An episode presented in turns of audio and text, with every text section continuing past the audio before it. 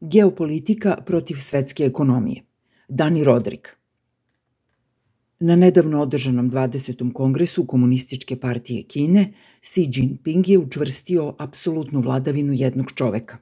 Komunistička Kina nikada nije bila demokratija, ali njeni lideri su u periodu posle Maoa pažljivo osluškivali glasove koji stižu s nižih nivoa državne hijerarhije i odbacivali neuspešne politike pre nego što proizvedu katastrofalne posledice – Sijeva centralizacija vlasti uvodi drugačiji pristup i veliko je pitanje kako će se to odraziti na rešavanje sve većih problema u zemlji, poput usporavanja ekonomije, skupih politika borbe protiv pandemije, kršenja ljudskih prava i političke represije.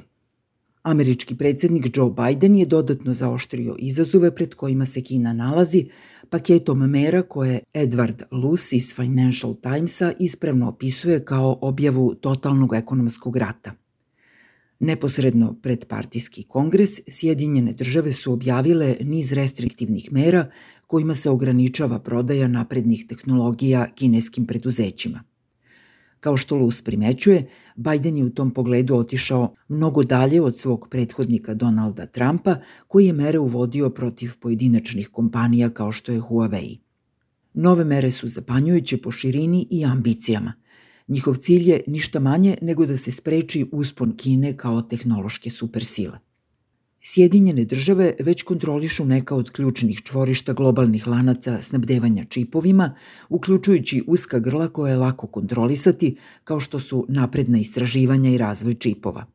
Gregory Sjalen iz Centra za strateška i međunarodna istraživanja zaključuje da nove mere predstavljaju do sad neviđenu direktnu intervenciju administracije Sjedinjenih država koja ima za cilj ne samo da sačuva potpunu kontrolu, nego i da uvede nove politike aktivnog gušenja velikih segmenata kineske tehnološke industrije s namerom da se ova uništi.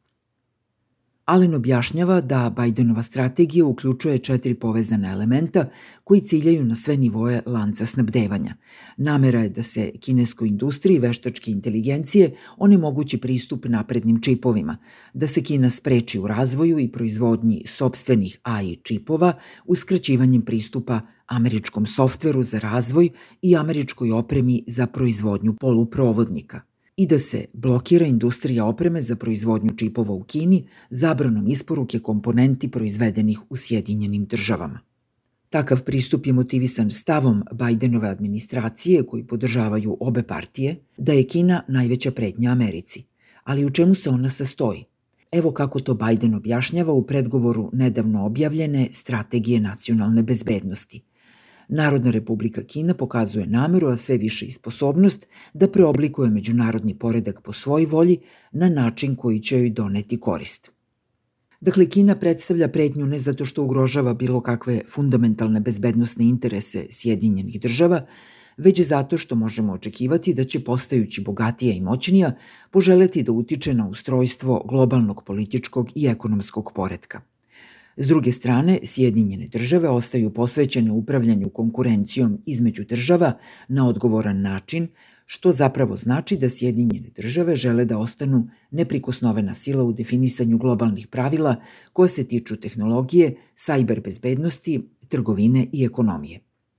Reagujući na takav način, Bidenova administracija pojačava napore da sačuva primat Sjedinjenih država umesto da se pomiri sa stvarnošću multipolarnog sveta.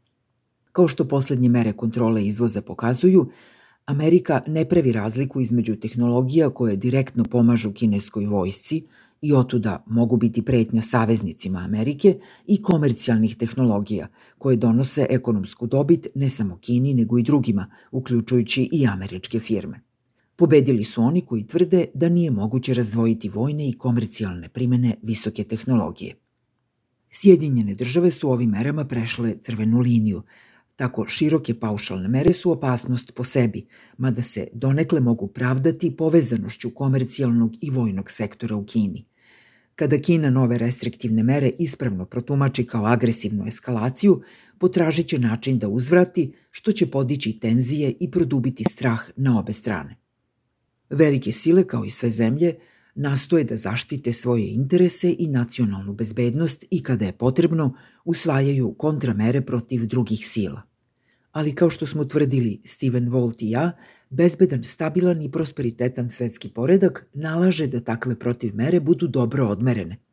To znači da one moraju biti jasno povezane sa štetom koju svojim politikama nanosi druga strana i usmerene isključivo na to da se negativni efekti takvih politika ublaže.